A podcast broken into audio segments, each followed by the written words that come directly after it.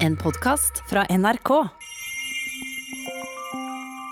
2020 er snart unnagjort, og det er på tide å sette seg ned med årsregnskapet. Joe Biden er stemplet og godkjent som USAs neste president, men Donald Trump gir seg ikke. Vaksineringa er endelig i gang, men så stiger disse smittetallene igjen. Og ved nyttår blir det omsider noe av brexit, men britene og EU er ikke enig. Kommer 2020 til å bli stående igjen som det store møkkaåret i vår levetid? Eller har vi kjempet og lært, og kan håpe på en bedre verden i 2021? Du hører på Krig og fred med Halvard Sandberg. Sigurd Falkenberg Mikkelsen. Tove Bjørgaas? Og Tore Moland. Hva har gjort mest inntrykk i år, folkens? Halvard?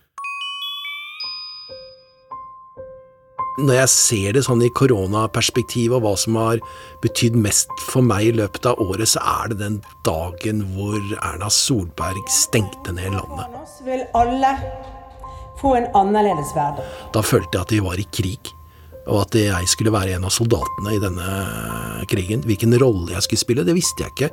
Eh, for jeg var forberedt på å sette meg inne på hjemmekontoret i et år, og barna mine skulle være hjemme fra skolen i et år. Barnehager, skoler stenges. Men at det var en krig, og at det var enkelt og reint og lett å forholde seg til, for vi var jo i krig. Den enkle, reine krigen mot viruset. Men du var klar for krig? Du hadde hamstra og bunkra deg opp og var klar på hjemmebane? Jeg hadde sikret meg for at familien min skulle ha mat for 14 dager. Eh, og så hadde jeg medisiner for å kjøre fire stykker gjennom en treukers influensasykdom. Det skulle jeg sørge for. Det hadde jeg klart. Det hadde jeg i første dagene av mars. Så du handla dopapir før alle andre gjorde det, Hvorfor er det i Norge.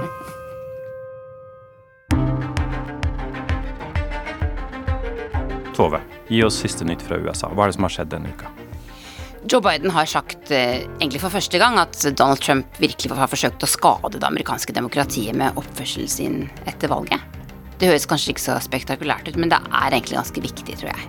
Our democracy pushed, tested, threatened, proved to be resilient, true and strong. Og samtidig så er han nå formelt anerkjent, valgt både av folket og av dette valgkollegiet, så det blir Joe Biden som blir USAs neste president fra 20. januar. Ja, på mandag så ble han valgt av disse eh, 538 valgmennene og -kvinnene rundt omkring i USAs eh, 50 delstater og Washington DC. 306 av dem stemte på Joe Biden, og det er akkurat så mange valgmannsstemmer som han fikk 3. november. Det betyr altså at alle disse representantene som er pekt ut for å utføre valghandlingen i dette arkaiske, gammeldagse systemet til USA, at de stemte på, uh, på Biden. Så, så, så, de respekterte uh, folkets vilje og, og demokratiet, iallfall. Og så ser vi nå at noen framstående republikanere en etter en begynner å anerkjenne Joe Biden som USAs neste president. Hvor etterlater det Donald Trump? Er han da lame duck, eller er han en sovende bjørn? Donald Duck. Nå fikk jeg endelig sagt det. Lame Donald Duck? Ja. Han er jo det, men hans karriere i politikken er nok ikke over med, med, dette. Og jeg hørte en kommentator denne uka si at det hun var mest overrasket over i den måneden som har gått etter valget, det var eh, hvor, hvilket kvelertak Donald Trump har på det republikanske partiet. Hvor langt inne det sitter, hvor livredde mange av disse republikanske politikerne er for å for å hoppe fra skuta. Dette har vi jo snakka om i fire år. Når, når hopper de fra, fra, skuta? Men selv etter at han har tapt valget, så, så er det altså Donald Trump som, som, styrer dette partiet. Det er jo åpenbart. Ja, hvorfor er det sånn? Fins det ingen andre som står klare til å overta? Nei, det gjør det ikke heller. Men det er jo det at det er han som er den store eh, folkemagneten. Og at, eh, og at, de folka han eh, tiltrekker seg, er kanskje mer høylytte enn andre. Også, og, og de andre, de synes ikke det gjør så mye at Donald Trump er sånn som uh, han er. Det er for veldig mange jeg har snakka med dette året, som har sagt at ja, ja, han sier mye rart, men han gjør mye bra også. Tove, er du overraska når du tenker tilbake på hvor du var i begynnelsen av året? Er du overraska over at det var Joe Biden som ble demokratenes presidentkandidat, og at han greide å slå Donald Trump ved valget? Nei, det er ikke selv om jeg tenkte selv og mange i, i min jobb, holdt jeg på sagt, tenkte at uh, kanskje burde vært uh, en annen i begynnelsen, så har jeg snakket med så mange eh, i USA demokrater eh, og også replikanere som mente at det burde bli han. Og når jeg ser tilbake på dette nå, så tror ikke jeg at eh, Så tror jeg det hadde vært veldig lite sannsynlig at demokratene hadde vunnet det presidentvalget med en annen kandidat. Jeg tror ikke de ville vunnet det med Camela Harris, f.eks. Eh, og jeg tror også at eh, eh, det var koronaen som sikret eh, Joe Biden seieren.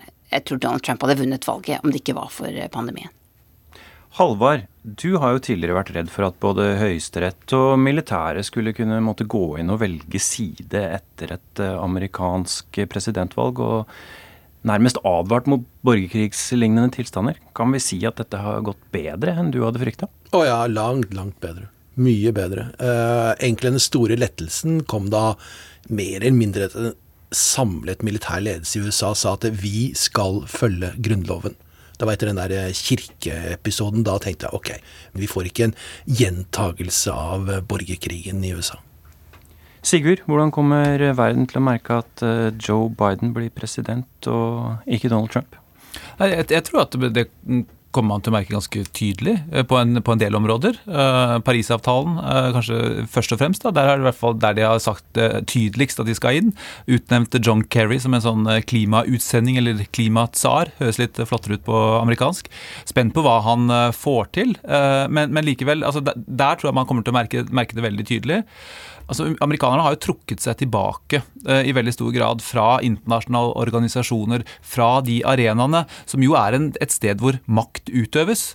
Eh, og jeg tror nok mange av USAs allierte har nok følt seg litt alene. Så det er nok mange som sitter og venter og håper på at eh, storebror skal komme tilbake igjen. Men kan USA bare komme tilbake som om ingenting har skjedd? Nei, det er eller? ikke det, for det er- Har det skjedd noen grunnleggende endringer? Ja, det har jo definitivt det. ikke sant? Det ene er at eh, amerikanernes eh, politikk eh, ligger ikke like fast i de foraene som den har gjort, da, tross alt med skiftende administrasjoner.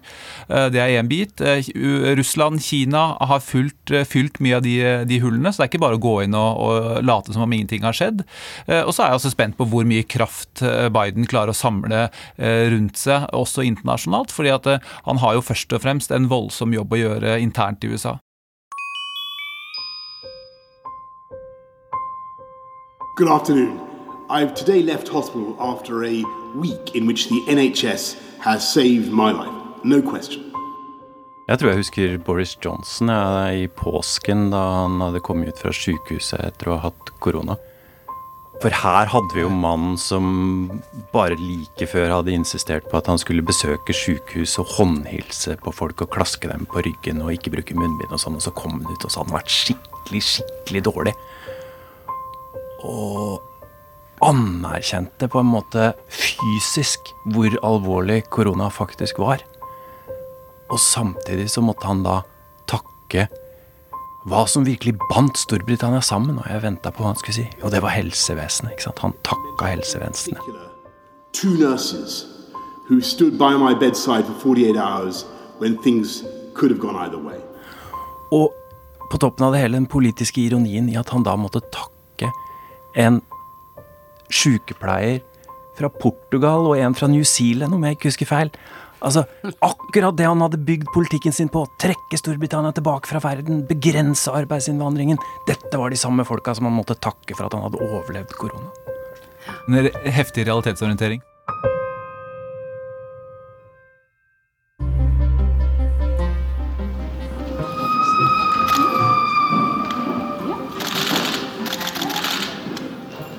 Vaksineringa mot eh, korona er da omsider i gang, og vi har sett bilder av gamle folk og helsearbeidere som får de første dosene. Denne uka var det Canada som begynte.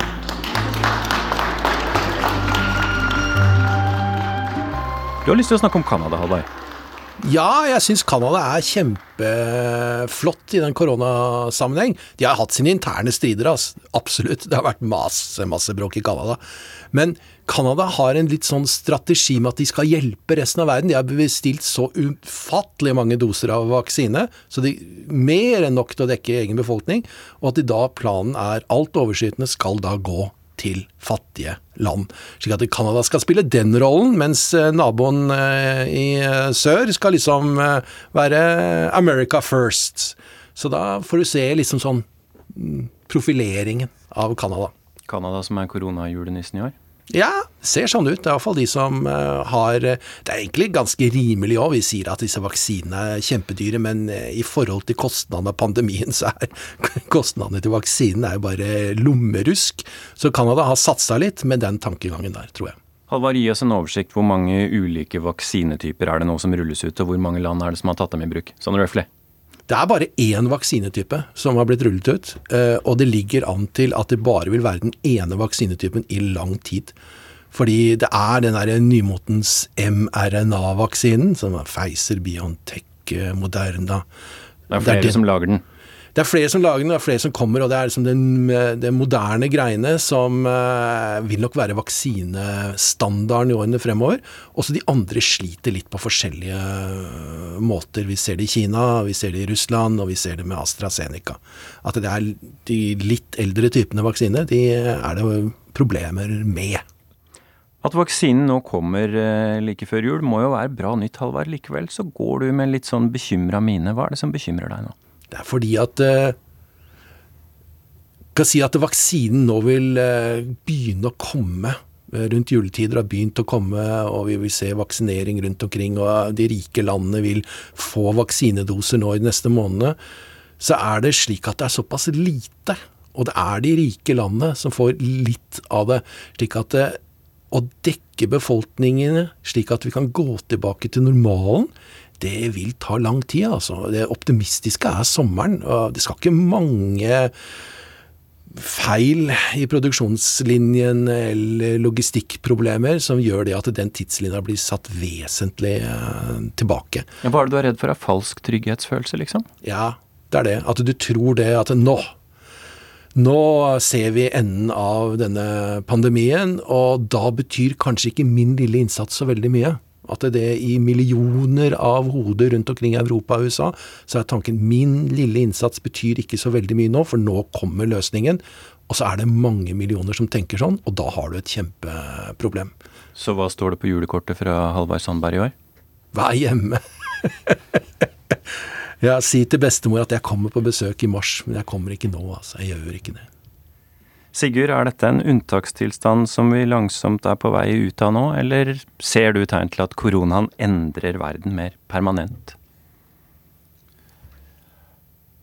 Jeg drar litt på det, eller jeg tenker litt. Eh, jeg syns det, det, er vanskelig å svare på. Eh, jeg tenker jo at vi på en måte eh, har vi vært gjennom noe helt eksepsjonelt. Men så er det jo sånn at Eh, ting blir jo ikke helt normalt bare fordi vi har eh, liksom kommet oss over eh, et, en barriere. Eh, man, vi har gjort noe i den prosessen, og vi er jo ikke engang eh, over, som, som Halvard snakka om.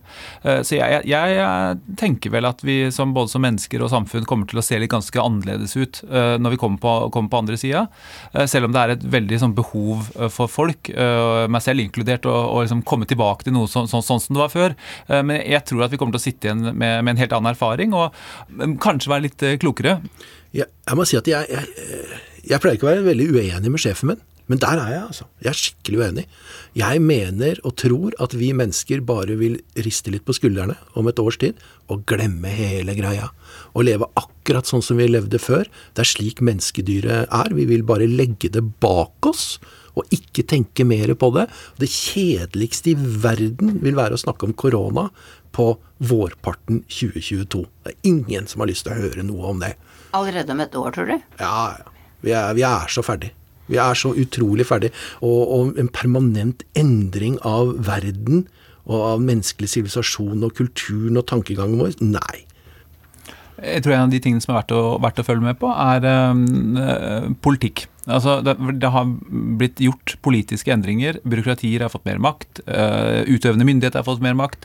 I hvor stor grad flyttes det tilbake igjen til normalen, og hvor mye blir den nye normalen? Der tror jeg man skal være ganske, uh, ganske observant, uh, både, for oss som journalister, men også, også for folk flest, også her i landet.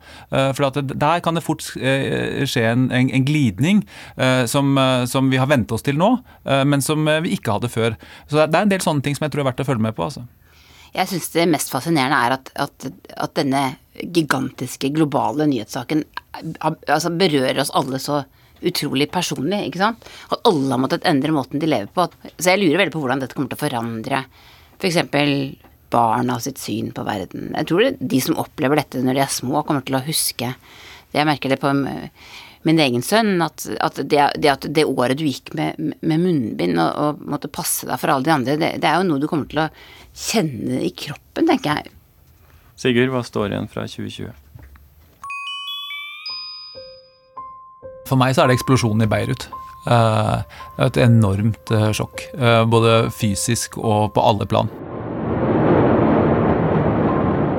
Havnelageret som gikk i lufta i sommer. For det første så hadde, jeg, hadde vi reportere i felt. Så jeg fikk jo en tekstmelding fra Sissel Wold som var der på et annet oppdrag. Og alle er bare helt i sjokk. Det første bildet fra Sissel var fra noen bakgater som, som, vi begge to kjenner godt, hvor det var en eksplosjon med noe rosa røyk. Men så og så jeg alle disse bildene og fikk fullstendig hakeslepp. Jeg har aldri sett noe lignende. Jeg synes Et av de bildene så er det nesten som en sånn haikjeft som, som løfter seg fra havnelageret der. Og det blir også så, så symbolsk, øh, føler jeg. Eksplosjon på alt som har gått galt i Libanon, men også alt som går galt i Midtøsten.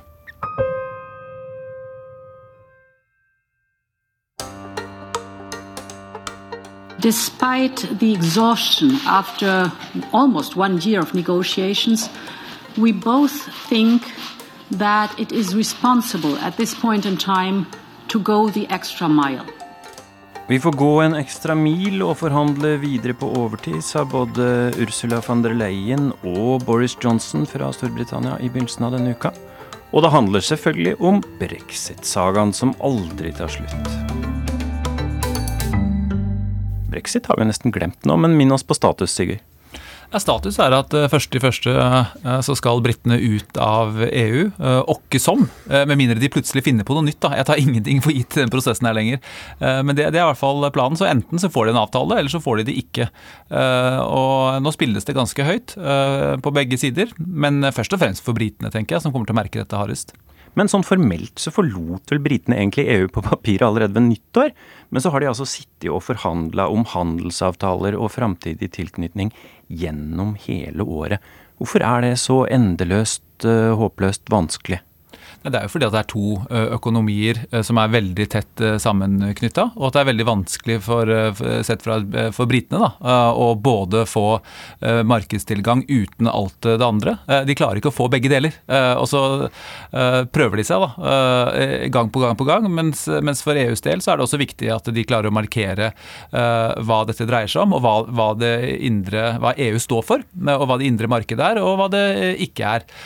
Sånn at det er mange mange hensyn å ta. og så har Hvert eneste land i EU har jo også sine nasjonale interesser eh, oppi dette, som er komplisert. Men jeg tror at en av de tingene som står igjen, er vel egentlig hvor, uh, hvor tett uh, de 27 landene, gjenværende landene har faktisk gjennomført denne forhandlingsprosessen. For jeg uh, vi antar at britene kanskje hadde sett for seg en, en god gammeldags splitt og hersk her. At de skulle klare å nappe ut noen land uh, og på en måte få en bedre forhandlingsposisjon uh, uh, underveis. Men det, sånn som jeg ser det, eller har observert det, så virker det ikke som de har klart det. Og det er ganske interessant. Lille julaften har det da gått fire og et halvt år siden britene stemte for å forlate EU. Det er jo lettere å si dette her enn å gjøre det. Definitivt. Eh, og det var jo et sjokk. Eh, altså, det var jo et av de store, store sjokkene. Mange som har lekt med tanken. Eh, Norge stemte nei før vi kom inn, så det var jo, var jo ganske greit. Men det har jo vært lignende bevegelser i, flere land. At kan vi ikke bare trekke oss ut? Og så gjorde altså det, et av de største medlemslandene, som riktignok også var et motvillig medlem, sånn historisk, valgte å gå ut. Så det er klart at for en institusjon som EU, så var dette kjempekrevende. Og de trenger et samarbeid. Så de kan på en måte, Det går ikke an å brenne alle broene, eh, verken for EU eller for britene. Eh, og så må de klare å få til en avtale som gjør at eh, verken britisk eller europeisk næringsliv rammes for hardt. Er det også et spill som foregår nå, der ingen har lyst til å være den som bare kaster korta og går fra bordet og sier nå får det bare gå som det går her? Ja, det er klart det. Og jeg tror ikke det er så mye sympatikapital igjen heller for britene i EU. Jeg tror de er ganske lei. Eh, de er lei av Boris Johnson. De, han, har, han, klarer kanskje å kommunisere med egne velger, men han kommuniserer jo ikke lenger med EU. Eh, e de har mye viktigere ting å forhandle om og drive med enn eh, en brexit. Og Det slår meg også når jeg leser franske aviser f.eks. at de har viktigere ting for det. Og det sier jo også litt om hvor langt denne prosessen har gått. Så, så syns jeg også den spanske utenriksministeren egentlig satt ord på noe av grunnproblemet her i et intervju intervjuet hun ga, hvor hun sa at en, en handelsavtale handler jo om hvordan vi skal binde oss sammen. Det handler jo ikke om hvordan vi skal løsrive oss og rive oss fra hverandre. Og Britene skal jo forhandle om en handelsavtale men samtidig ønsker å løsrive seg. Det er uhyre vanskelig, og det, det, tror, jeg, det tror, jeg, er grunnen til at de ikke kommer, kommer noen vei. Jeg har tenkt liksom at EU, hele kontinentet, er på vei nedover. Nesten alt peker på at Europa er på vei nedover. At vår storhetstid er over. Og at vi blir en fattig, et fattig hjørne av verden om en, kanskje en 100-200 år. Og at det som skjer nå med løsrivelsen fra med brexit-forhandlingene. At det vil liksom være et sånn merkepunkt da, når den historien fortelles. At det fra det punktet der så var ånden død. Litt som USA, egentlig? Ja, litt som USA. Imperiers eh, vekst og fall er det skrevet eh, lange, lange bøker om. Eh, men, men, dette er jo ikke noen, noen ukjent melodi. Altså, jeg tror det går litt, litt med i forskjellig rytme, men, men, franske bokhandlere pleier å være fulle av bøker som heter varianter av le déclin, altså nedgangen. altså Alt var så mye bedre før og sånne ting. Så, så det, det, det, som er spennende å se, da, det er hva gjør EU? EU har gjort noen ganske radikale grep i denne koronakrisen. Hvordan responderer politikerne politikerne, og er europeerne i stand til å samle seg om et, et felles prosjekt, både nasjonalt og på overnasjonalt plan, eh, for da å motvirke den tendensen som, som Halvard snakker om her. Eh, det er ikke gitt. Altså, eh, Menneskehistorien har, har også mange eksempler på, på nasjoner som, som, som, samler seg og, og løfter seg igjen.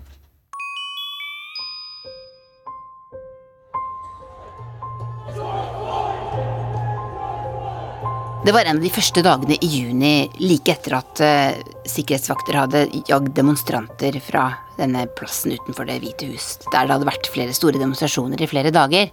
Og jeg hadde dratt ned for å snakke med noen av disse demonstrantene. Og uh, der parkerte bilen min noen kvartaler unna, så begynte det å fossregne idet jeg var på vei bort til Det hvite hus.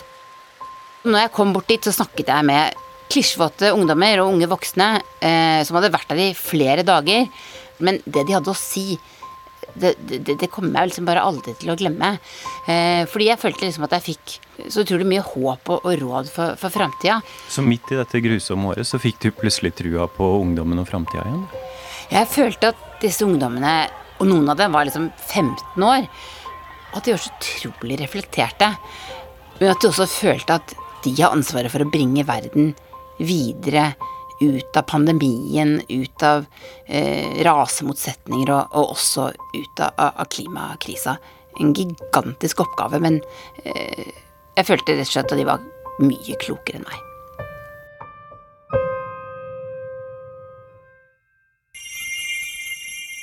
Vaksina er på vei. Eh, vi får kanskje et mer normalt liv eh, i Det hvite hus, og en eller annen form for konklusjon på hele brexit-smørja. Sigurd, blir verden et bedre sted å leve i i 2021? Jeg håper det. Men jeg tror ikke at uh, verden magisk blir bedre første i første. Uh, men det er i hvert fall en mulighet til å starte på nytt, og det er jo det som er fint med, med nyttår. Jeg håper det blir mye kjedeligere. Det var akkurat det jeg skulle si, Tove. Jeg håper virkelig det, og jeg tror det. Jeg tror det kommer til å bli så kjedelig å drive og jobbe med nyhetsjournalistikk i 2021. Og det er kjempebra, altså. Det er så bra. Du har hørt årets siste Krig og fred fra NRK Urix. Lydregien var ved Lisbeth Sellreite. Og vi hører gjerne fra deg på e-postadressen krigogfred nrk.no. Og husk at du også kan få ukesbrev på e-post fra oss om det viktigste som skjer i verden.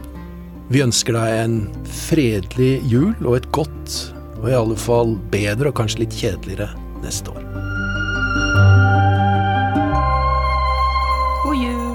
God jul. Ho, ho, ho.